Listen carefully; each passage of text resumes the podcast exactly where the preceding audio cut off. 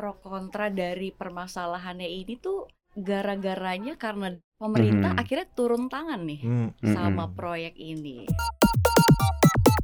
KAI sendiri itu ya Daniel dan Safira tuh Heeh. waktu di rapat dengar eh, pendapat di DPR hmm, komisi hmm. berapa tuh empat ya baru-baru ini mereka udah Hmm. bilang loh proyek ini tuh banyak masalahnya dari tahap uji kelayakan Heeh. pembengkakan biaya tadi dan ya makanya mereka ketika diberi penugasan juga agak kaget juga Hmm. tapi kan nggak bisa menolak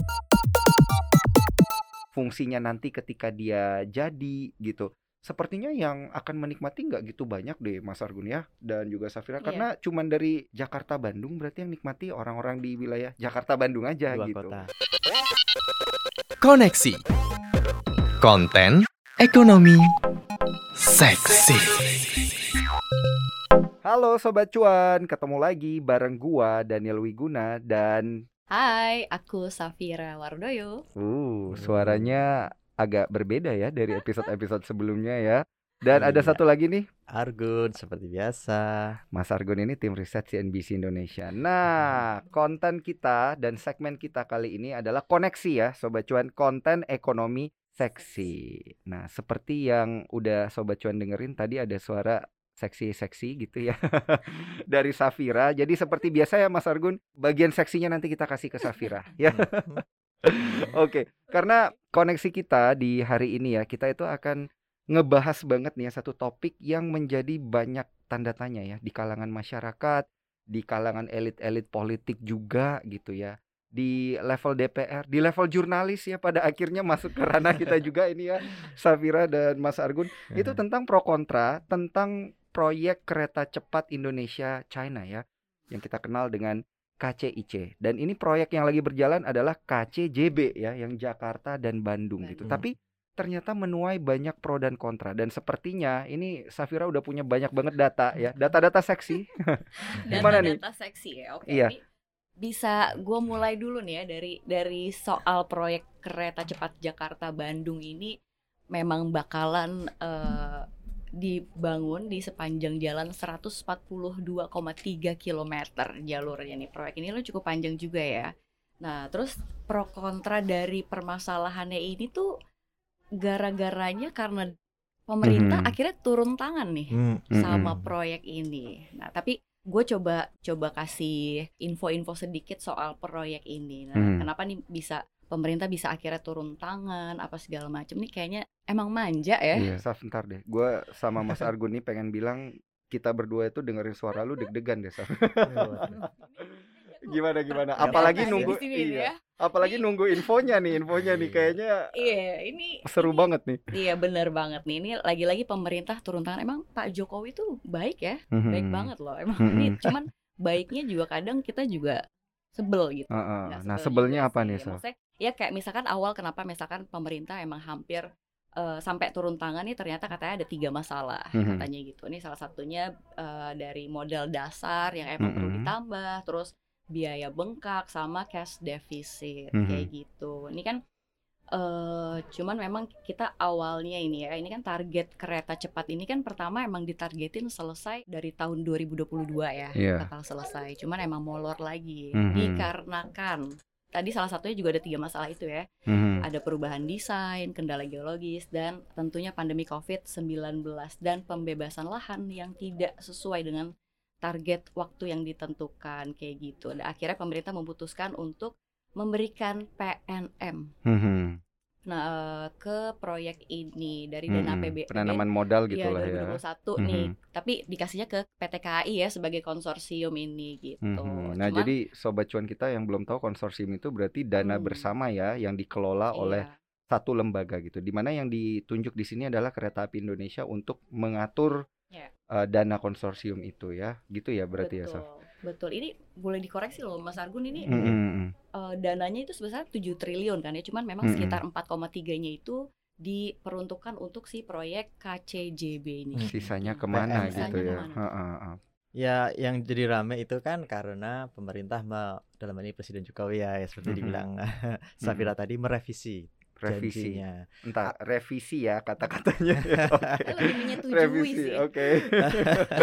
Oke, oke, oke. Ini Terus paling gimana, paling ini halus ini merevisi Mhm, janjinya. mhm, mhm. Kan awalnya sempat ada khawatiran ini proyek kereta cepat eh, apakah eh, urgen gitu Iya, ya. iya, Sekarang iya, kan iya. Jakarta Bandung udah ada tol Cipularang misalnya, Iya. kemudian juga eh, sekarang juga sudah ada kereta biasa Mm-mm. meskipun nggak cepat, nggak bullet train gitu. Mhm. Eh, itu pertama dulu sempat dipertanyakan. Kemudian ada ya itu mungkin waktu itu kan rame, oh China nih yang mendanai gitu. Mhm. Sementara waktu pertama-pertama proyek ini berjalan kan lagi rame. Cina itu memberikan pendanaan serupa Mhm. ya ke proyek-proyek di negara-negara Asia gitu. Mhm. Salah satunya Sri Lanka. Nah, Sri Lanka pelabuhannya akhirnya diambil alih sama Cina dalam tanda kutip. Mhm. Artinya karena dia nggak bisa membayar utangnya ke Nah, Cina. itu ngeri tuh kalau kayak gitu kemudian kan. Ya pelabuhannya itu disewa gitu kan, Mhm. disewakan ke Cina selama 99 Oh tahun. god, ya 99 tahun itu deg-degan ya. Iya, kebalik ya. Iya, diambil alih deh. Oke Iya. oke oke. oke. Istilahnya sewa, tapi ya itu pengelolaannya dipegang semua sama China. Nah, itu yang Mhm. memicu apa secara politik akhirnya ada kekhawatiran hal serupa bisa terjadi nih di proyek BRI eh, eh, Belt and Road ya eh, di Mhm. Cina di Indonesia saatnya KCIC ini. Mhm. Eh, waktu itu Presiden Jokowi menyatakan, oh enggak santai saja, ini tidak ada dana APBN ibaratnya gitu. Ini pure business to business. Nah, gitu.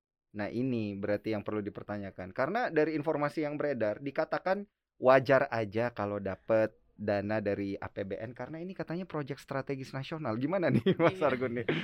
Waduh, su- Ada- susah juga ya Mas Iya. Argun. ya? Tapi sebenarnya proyek ini awalnya kayak si Jepang duluan deh yang ngegaet. Iya iya iya iya iya. Awalnya bukan Jepang. China kan, Bukan bukan China China, kan? Jepang dulu, Jepang heeh. dulu Terus ya. di apa salib dari tikungan gitu kan. ditikung. iya. Oke. Eh, di Akhirnya Jepang- suka nyalip. Aduh. Panjang nih ceritanya nih jadi curcol. Oke oke. Jangan Nah, lebar ya. Iya, oke. Akhirnya Jepang dikasih kan yang Jakarta Surabaya gitu kan, Mhm. tapi tidak cepat, setengah cepat lah istilahnya. Mhm.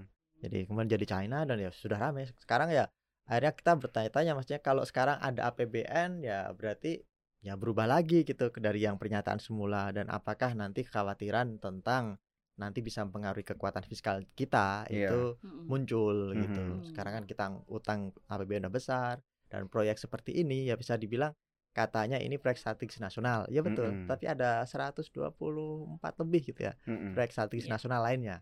Yang juga memang perlu pendanaan. perlu gitu. pendanaan dan saat itu memang PSN itu bukan berarti harus didanai pemerintah Nah, atau itu. APBN. Heeh. PSN itu konsepnya eh, apa namanya private public partnership Mhm. atau kita istilahnya eh, eh, KPBU Mhm. ya intinya B2B lah ya. kerjasama antara badan usaha Oh, badan usaha. swasta Mhm. dengan badan usaha pemerintah gitu Mm-mm. BUMN biasa- biasanya nah KAI di sini ya ternyata ya ada perlakuan khusus dalam tanda kutip ya di kere- proyek Mhm. kereta cepat ini dan pembengkakannya itu kan nggak rasional kan ya dari Iya. berapa 80-an menjadi seratusan ya Mhm. triliun dan kalau menurut eh, pengamatan saya itu sebenarnya lebih karena pembengkakan biaya ini pembebasan lahan Hmm. Nah, iya benar tuh Mas Argun. Dengar-dengar Heeh. katanya ada lahan yang mau digoreng sampai 1000% gitu ya. Di Iya. daerah mana sih Saf itu namanya? Di Bandung ya di Walini katanya. Walini. Ya, Ya, mungkin ada pendengar kita nih sobat cuan Walini. yang tinggal di area sana yang juga lagi jual tanahnya di OLX kali ya. Yang naik 1000%. yang naik gitu. 1000% tapi akhirnya sayang harus ditunda ya. Ya, nah itu saya pikir yang jadi penyebab karena kalau ngelihat proyek-proyek lain di Indonesia kebanyakan memang 30% persoalan infrastruktur Mhm. kita itu di pembebasan lahan. Mhm. Jadi sisanya tuh ya pendanaan, perizinan ya kan. Mhm. Terus juga mungkin kendala teknologi dan sebagainya. Tapi ya 30% sepertiga utamanya itu pembebasan lahan. Mhm. Di situ mentoknya di situ. Nah, kalau kemarin kan ada tuh bandara yang juga membengkak juga biayanya. Saya Mm-mm. pikir hal serupa juga Hmm. terjadi di KCIC ini. Ah, banyak spekulan yang mulai ya bermain. Kita Iya. tahu lah eh, udah puluhan tahun lah Indonesia ini Hmm. berjalan dan proyeknya banyak dan ya gitu-gitu juga cara mainnya orang-orang. Mohon maaf nih DPR juga banyak juga yang Hmm. mereka ketika melihat uh, Hmm. blueprint sebuah PSN proyek Hmm. strategis nasional ini Hmm. nanti akan ada di mana tol di mana uh, kereta di mana mereka sudah berhitung oh berarti ada tanah di iya. situ yang kemungkinan harganya Hmm. naik ya mereka juga yang Hmm. beli orang-orang Jakarta gitu Hmm. entah. DPR atau orang pemerintahan atau ya orang yang dekat dengan pemerintahan gitu Dia dia lagi lah ya. dia dia Hmm. lagi dan itu yang bikin proyek nasional kita menjadi mahal dan membengkak Hmm. KCIC ini jadi eh, sorotan karena memang selain membengkak yaitu ada faktor eh, nanti China bagaimana apakah kita nanti akan menjadi salah satu dari Sri Lanka itu yang Iya. nasibnya gitu itu yang harus amit, diwaspadai sebenarnya dan waspada ini amit, bukan amit. bukan berarti paranoia enggak tapi harus Iya, iya, kita iya. waspadai klausulnya seperti apa dan wajar-wajar aja kita. Tapi kan khawatir. kalau kita emang ngelihat informasi yang berkembang ya, Hmm. Mas Argun dan juga Hmm. Safira Hmm. ini kan memang katanya ada urgensi ya. Tadi kan di awal kita ngomongin urgensi memang ada urgensi jangka pendek gitu katanya Mas Argun dikatakan oleh para pemegang-pemegang kepentingan nih. Nah, harus selesai tak di katanya targetnya di November 2022 Iya. gitu. Tapi harus diselamatkan dalam jangka pendek dengan diberikan pendanaan. Nah, jadi kan kita itu jadi bertanya-tanya gitu, Mas Argun, wajar nggak sih gitu kalau kita pakai dananya itu dana APBN gitu di mana tadi kan PSN Hmm. juga ada banyak nih yang harus Ya. didanain gitu ya. Dan juga kalau kita lihat dari sisi keekonomisan dan juga eh, fungsinya nanti ketika dia jadi gitu. Sepertinya yang akan menikmati nggak gitu banyak deh Mas Argun ya dan juga Safira Iya. karena cuman dari Jakarta Bandung berarti yang nikmati orang-orang di wilayah Jakarta Bandung aja dua gitu. kota. Nah, Iya. jadi makanya kan gimana nih menurut Mas Argun wajar nggak sih kita pakai pendanaan APBN dulu gitu? Ini sebenarnya keputusan politik gitu. Hmm. Jadi kalau kita mulai wajar tidak wajarnya uh, pelibatan dana APBN itu ya memang uh, tidak hanya berdasarkan pertimbangan bisnis. Jadi Mm, artinya mm, kalau mm. secara bisnis visibility tadi menunjukkan bahwa ini sangat penting sekali dan bisa membangkitkan ekonomi. Ya misalnya ya, Mm-mm. oh berarti layak uh, dikasih dana APBN. Tetapi realita politik seringnya berbeda. Jadi Mm-mm. ketika ya dinilai proyek ini penting dalam tanda kutip tadi banyak yang yang ikut gitu Mm-mm. ya harus diselamatkan dan kalau nggak lanjut nih bisa bahaya misalnya akhirnya bisa jadi proyek eh, dana APBN kepakai di situ. Hmm. Mhm. Nah, saya tidak tahu apakah memang ada faktor politik tadi itu yang Iya. mendorong eh, penyelamatan dalam tanda kutip ya Mm-mm. proyek ini. Tetapi kalau kita melihat urgensinya deh, Iya. urgensinya dari apakah eh, Jakarta Bandung ini penting banget mendapatkan kereta cepat dan harus selesai dalam Iya, tahun 2022. Sebenarnya kok enggak gitu. Karena gini, seperti Daniel bilang tadi, hanya Jakarta Bandung yang menikmati. Memang Mm-mm. eh, kita bisa bicara akan ada kota-kota baru memang ketika stasiun-stasiun dibangun ada Mm. empat stasiun ya kalau nggak salah di Karawang di Padalarang Tegaluar Betul. itu Mm. nanti akan menciptakan klaster-klaster eh, apa namanya kota-kota baru Mm, Ada multiplier effect gitu lah Multiplier ya. Mas efeknya ada. Diharapkan. Mm-mm, Diharapkan. diharapkannya gitu. tetapi PDB Diharapkan. PDB-nya apakah akan meningkat ya secara teoritis iya bisa karena Gue deg-degan nih jawab dengerin jawabannya Safira. Kita kayak udah hopeless semua Iya gitu iya ya. iya. Diharapkannya gimana nih sebenarnya Mas Argun? Diharapkan. Heeh. Iya kalau kita bicara gini, konektivitas pentingnya apa? Jadi kalau selama ini Bandung dan Jakarta perlu jarak tempuhnya, waktu tempuhnya lama, ya otomatis orang akan intensitas kunjungannya itu ya berkurang. Tapi Mhm. kalau udah ada konektivitas yang bagus, ya orang akan lebih cepat untuk melakukan kunjungan. Dan Hmm. ketika berkunjung itu akan ada aktivitas ekonomi yang dia jalankan, bisnis yang dia jalankan. Mm-mm. Eh, memang belum, saya belum punya hitung-hitungan. Kira-kira akan ada berapa triliun Bener nih. dana Seefektif baru yang apa berputar ya gitu ya. efeknya. Iya. untuk Harganya Jakarta dan Bandung.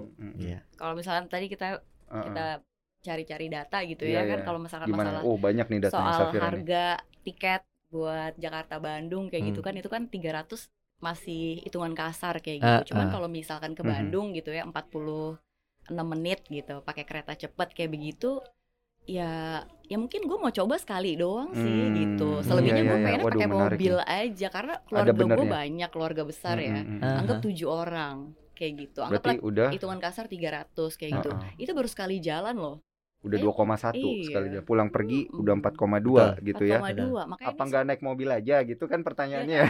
Iya, iya. Apa nggak naik mobil aja balik lagi ke situ gitu. Maksudnya ini kayak emang takutnya kayak cuman kayak kita kita orang aja yang kayak pengen cuman mau nyoba tapi bukan jadi kayak kebutuhan kayak oh oke Ya. gue kayak misalkan dulu kan kalau Jakarta Bogor tuh ya kayak gue zaman kuliah dulu oh naik mobil ya lama gitu cuman kalau misalkan Mhm. rumah gue di Bandung gue Mhm. kerja di Jakarta Mhm. 45 menit kan gue juga jadi bisa kebutuhan tuh gue bolak-balik pasti Bisa. naik itu tiap hari Iya, tapi kan betul. nggak mungkin dong kayak gitu Mhm. kayaknya bukan buat ke arah sana gitu Hmm. lebih kayak gitu itu dari sisi ekonominya dari ya. sisi ekonominya sih kayaknya ya apalagi kalau misalkan perhitungannya kayaknya dia masih mengikuti eh, pergerakan maksudnya Mm-mm. bukan pergerakan sih dia masih ngikutin jadi kalau misalkan penumpangnya penuh artinya banyak yang tertarik Mm-mm. banyak yang pengen naik harganya oke di kisaran 250 300 gitu tapi kalau sepi bisa diturunin 150 berarti kan lo ngasih harga juga udah gambling berarti lo sendiri nggak yakin ini banyak yang tertarik apa enggak gitu Artinya Iya. ROI-nya makin lama gitu ya Makin lama Argun ya. lagi dong, Heeh, gitu. Iya, return of investment-nya kayak gitu ya. gitu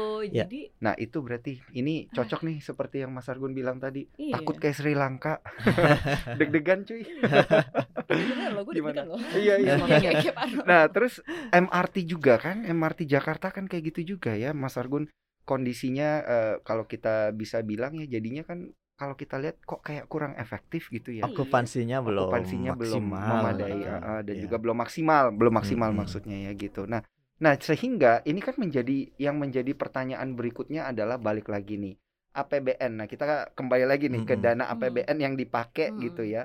Apa enggak sebaiknya di hold dulu untuk yang KCIC dana APBN-nya kita pakai untuk maksimalin dulu ke kesehatan kali ya gitu ya. Iya, oh. Untuk pen atau apa dia, gitu. Ah, Gimana sih nih kalau Mas Argun ngelihatnya? Hmm. Apakah lebih mahal kalau kita itu eh, bikin KCIC ini on hold dulu gitu karena kena penalti atau apa gitu ya? Ya atau ya proyek ini dirasionalisasikan lagi nilainya gitu. Mm-mm. Pembengkakan di mana maka efisiensi harus dijalankan. Nah, Artinya pendekatannya harusnya bisnis bukan pendekatan government benar. gitu. Hmm. Tapi kalau ini kan yang diambil pendekatan government. Oke, kita bantu, kita suntik KAI, nanti KAI yang nyari dana, nerbitin obligasi ya kan Mhm. katanya.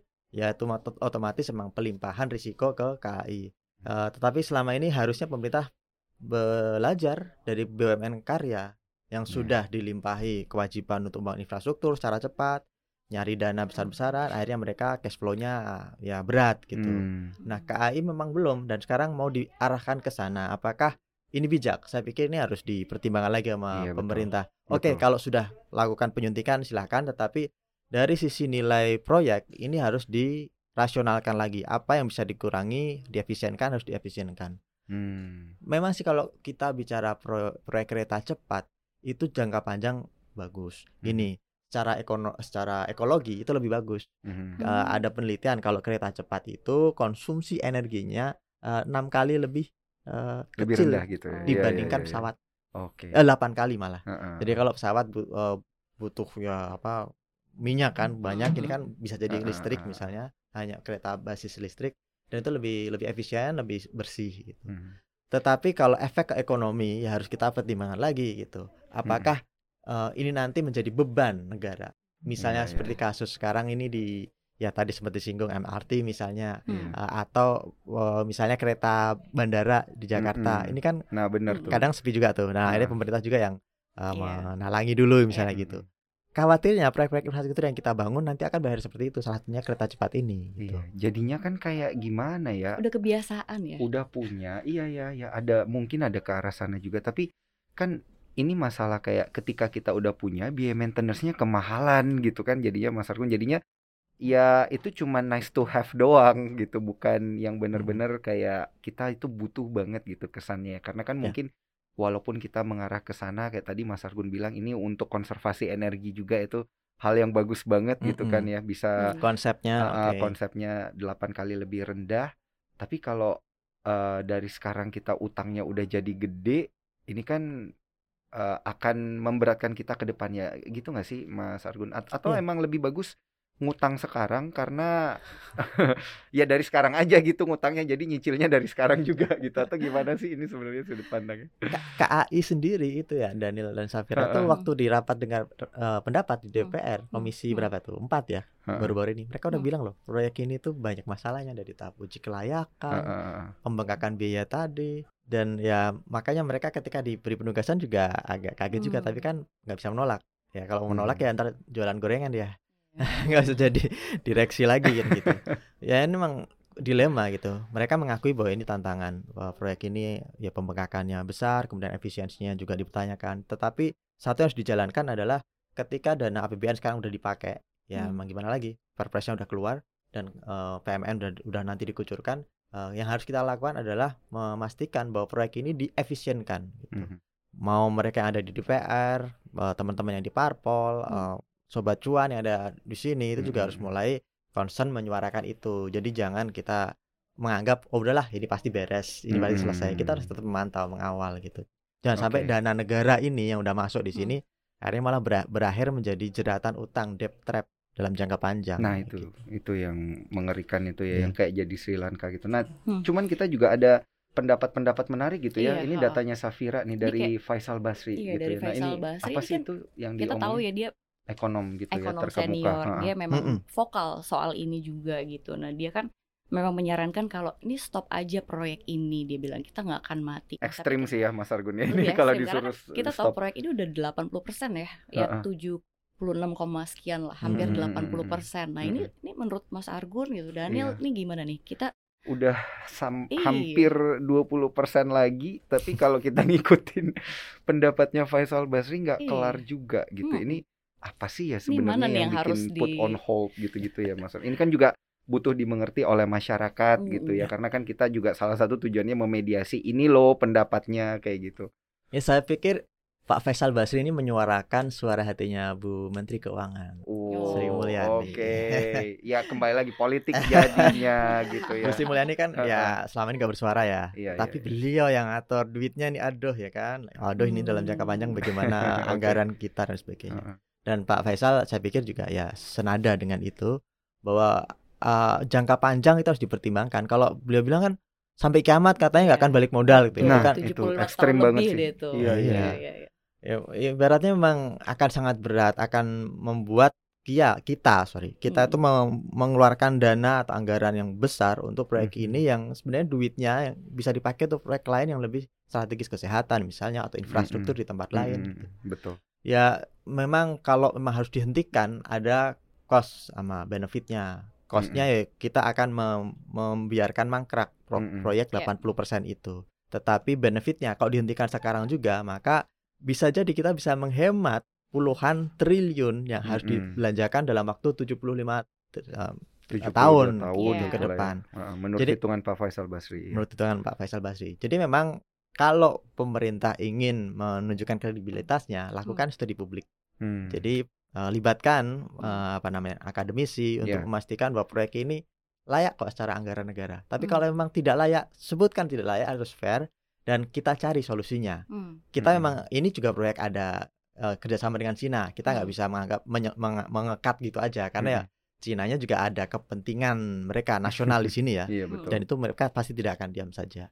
Ya kita harus me- menghormati itu, makanya harus win-win solution harus di- di- dicapai dan itu Mm-mm. dicapai kalau masalahnya itu kita kita buka gitu biar kita jelas problemnya pembengkakan di mana dan kemudian apa yang bisa di- kita kita lakukan agar Benar. 80% itu tetap selesai tetapi kita juga tidak terikat uh, Mm-mm. beban utang puluhan Mm-mm. tahun ibaratnya gitu. Oke, tapi ini tanpa tanpa coba deh ya kalau kita ngelihat dari sisi masalah gitu ya. Ini kan kita anggapnya karena pakai dana APBN ya ini berarti permasalahan rumah tangga negara kita gitu ya. Mas Argun dan Safira supaya permasalahan rumah tangga ini tidak merembet ke rumah tangga lainnya gitu ya. Ayo kita coba lihat deh ke kembali bahwa ternyata yang diprotes oleh masyarakat itu adalah kenapa kita pakai dana APBN Kayak gitu ya. salah momen aja deh. Iya, atau salah Hmm. momen bisa Kayak aja salah gitu. momen. Kita kan lagi di tengah pandemi COVID-19 gitu dan Iya. beberapa juga memang eh, salah satu yang kontra banget nih menurut si Faisal Basri ini kan memang di sisi lain pemerintah juga bakal menghapus 9 juta orang daftar PBI jaminan kesehatan 2021 Iya. Mm-mm. gitu. Di Jadi satu kayak- sisi ya di kan. satu satu, sisi, di satu betul. sisi kayak Mm-mm. begitu. Jadi memang penghapusan itu sih emang ada alasannya karena kan ada yang Mm-mm. meninggal, ada yang eh, datanya Sehingga double, dananya apa dananya dipakai untuk dialokasikan apa segala gitu ya Mas Argun ya. gitu. Cuman JKN juga bakal dihapus juga sama Bu, Bu Mensos nih. Jadi kayak Mm-mm. sebenarnya dia lebih ke sana aja sih sama si kondisi kita sekarang Mm-mm. ini gitu. Jadi kayak Mm-mm. momennya salah aja gitu. Mungkin Ya. salah momennya. Tapi kalau kita ngelihat-lihat Mas Argun kalau memang bukan dana APBN yang kita pakai, Iya. dana apa nih yang bisa kita pakai gitu untuk menyelamatkan jangka pendek? Apakah memang APBN ini jadi satu-satunya senjata terakhir atau gimana sih sebenarnya Mas Argun? Ini Ya, supaya nggak gede gitu, supaya nggak jadi besar kan ya masalahnya. Biasanya pemerintah pakai dana apa lagi kalau bukan APBN ya Mas Argun? ya pastinya emang skema PPP itu public private partnership. Ha-ha. Itu sebe- eh, solusi agar kita nggak ngeluarin duit dari APBN. Jadi Hmm. kan kebutuhan infrastruktur kita investasinya berapa? Sekitar 60% itu Mm-mm. eh, dibutuhkan dari swasta. Nah, swasta ini ya mereka biasanya ngambil dari kredit bank Mhm. atau nerbitin obligasi. Dan KAI itu sebenarnya bisa nerbitin obligasi. Mm-mm. Tetapi dia bisa nerbitin obligasi dengan nilai puluhan triliun kalau dia bisa memiliki ekuitas. Oke. Hmm. Jadi kalau di market itu kan ada eh, apa nama rasio debt to equity ratio. Mm-mm. Jadi perusahaan itu dinilai berhak gitu atau bisa Mm-mm. menerbitkan surat utang itu ya ekuitasnya sekian dia. kali dari Iya. ekuitas dia. Nggak boleh lebih dari 10 kali ibaratnya gitu. Makanya ketika ekuitasnya masih terbatas maka harus ditingkatkan. Nah, Nah, maka dari itu pemerintah meningkatkan ekuitasnya biar dia bisa nerbitin obligasi dalam jumlah besar nantinya. hmm. Jadi itu yang paling eh, dijalankan pemerintah. Emang eh, APBN tuh hanya untuk ngungkit aja gitu. Oke. Tapi ya harap diingat KAI ini kan juga pada akhirnya dia memiliki fungsi eh, PSO. Mm-mm. Jangan sampai kemudian fungsi PSO Public Service o- Obligation Hmm. ya itu bisa melayani eh, kereta apa Mm-mm. rel KRL kita Mhm. itu kan sebenarnya ongkosnya bisa 5.000 10.000 tapi kan sekarang di ini di apa di subsidi. Hmm. Nah, kalau kemudian KAI mengalami kesulitan keuangan, apakah subsidi-subsidi itu masih bisa dijalankan sama dia PSO-nya? Nah, nah itu yang menjadi pertanyaan sekarang kalau misalnya proyek ini berjalan dan pada akhirnya merugikan gitu. betul. Sebenarnya kalau hitung-hitungan orang awam seperti eh, Safira saya juga ngelihatnya kalau misalnya ada kereta cepat dan saya harus ke Bandung misalnya tadi, sementara ada tol Cipularang, ada kereta juga yang biasa. Tapi lagi urgent nih, gitu ya kondisinya. Kalau lagi urgent mungkin saya pakai kereta cepat. Tapi kalau Mungkin ya. kalau cuma liburan aja ya sudah. Iya bener kan. gitu. Nah, ini iya. yang kita se- sebanyak apa sih orang yang akan merasa urgen memakai kereta cepat Iya, gitu betul, tadi. Iya. betul, Dan itu betul. yang membuat orang mikir, lah kenapa harus di ini di didorong-dorong ini Iya, proyek iya, ini iya. gitu. mirip kayak mau pakai kereta ke airport gitu. Sampai sekarang gue ke airportnya pakai Sulit Online. kan. Iya. Ya. atau kalau enggak telepon temen, eh bro anterin gue Iya dong kan? gitu misalnya kan. kayak di kayak susah juga gitu juga. loh. Iya. opsional, itu hanya Optional, opsional. iya, iya. Optional. Jadi Ah, ah. sama seperti eh, ini sekarang kan ya ada kereta setengah semi cepat gitu kan yang mau dibangun Jepang tadi dari Hmm. Jakarta ke Surabaya. Nah, ini juga harus dipertimbangkan lagi visibilitas visibilitanya karena apa? Iya. Kita udah punya bandara nih Hmm. dari Jakarta ke Surabaya. Udah ada jalan tol lintas Jawa. Sumatera. Trans, Dan ya, Trans Sekarang Jawa. Sumatera juga mau dibikin. Dan sekarang mau dibikin kereta semi cepat Hmm. antara Jakarta Surabaya. Ini pasar mana yang mau digarap Hmm. gitu. Karena apakah sekarang eh, tol Jawa eh, lintas Jawa ini sudah penuh? Enggak. Mm-mm. Apakah pesawat dari Jakarta Surabaya udah penuh? Enggak juga kan Iya. gitu. Ya mungkin pada saat lebaran doang kali penuhnya. Tetapi kalau hari biasa kan enggak. Nah, apakah urgen dibangun kereta cepat itu tadi? Hmm. Demikian juga halnya dengan Bandung yang hanya Hmm. ya cuma dua kota saja. Kecuali ini keret proyek akan terintegrasi misalnya dari Jakarta, Karawang, Mm-mm. Sukabumi Iya. ke lokasi-lokasi apa namanya kawasan industri yang penting yang mau dikembangkan. Betul. Baru itu mungkin visible. Artinya nanti akan ada banyak pekerja-pekerja yang ada di sentra-sentra itu Mm-mm. industri itu yang mungkin akan manfaatkan layanan ini. Mereka butuh ya commuting dari Mm-mm. Jakarta, Bandung, Jakarta, Sukabumi tiap hari misalnya Hmm. kayak gitu. Sekarang kan orang commuting kita taunya ya Jakarta Bogor gitu atau Mm-mm. Jakarta paling jauh mana sih? Bekasi. Ya, itu. Tapi nggak sampai commuting Jakarta Bandung tiap hari. Iya gitu. iya iya benar-benar. Iya. Oke ini menarik. Tapi ini ya di menit-menit terakhir kita gue tuh mencoba untuk eh, melihat dari sisi positif juga dari sisi bisnis ya, Mas Argun dan Safira. Ada kemungkinan kali ya pemerintah akan meng-IPO meng-IPO-kan proyek ini kali ya, Mas Argun karena kan IPO itu biasanya menyelesaikan seluruh dosa-dosa keuangan yang udah pernah terjadi sebelumnya. Terus ditanggung kan- publik. Iya. Jadinya ke publik mungkin ya mungkin tapi gue nggak tahu Iya. karena semua bisnis yang namanya bisnis mau BUMN atau swasta pasti ada exit strategi gitu kan ya Biasanya. Mas Argun Iya. biasanya. Tapi kita nggak tahu ini rencananya pemerintah kayak apa. Yang jelas yang kita tahu sekarang itu adalah pemerintah memang harus pakai duit APBN dulu nih Iya. untuk menyelesaikan urgensi-urgensi jangka pendek gitu ya Mas Argun. Iya. Oke. Ini menarik banget ya Sobat Cuan Yang jelas kita pantau terus ya. akan Harus. kita pantau Harus terus pantau juga terus ya. ya. Jangan lupa dengerin eh, podcast kita juga ya. Ini tiap minggu dan juga jangan lupa nih baca berita-berita dan riset-risetnya. Iya. Banyak ditulis sama Mas Argun juga nih pasti beritanya ya di cnbcindonesia.com. Ya, ini juga podcast Cop Cop Cuan bisa didengar di Spotify, Apple Podcast, Google Podcast. Terus follow juga IG kita di @cuap underscore cuan.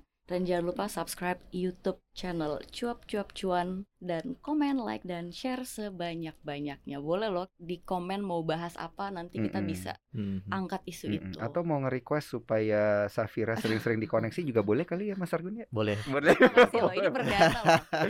Iya, iya. Eh, eh, sini. ini perdana nih buat sama Safira ya. senior-senior aku. Waduh, Ya, Mbak ya, senior kita juga ya. tunggu di next episode selanjutnya di Cuap Cuap Cuan bareng Mm-mm. saya Safira Wardoyo. Bareng gue Daniel Wiguna dan Dan Argun. Sampai jumpa semuanya. sampai jumpa di episode Bye-bye. berikutnya ya. Bye. Bye.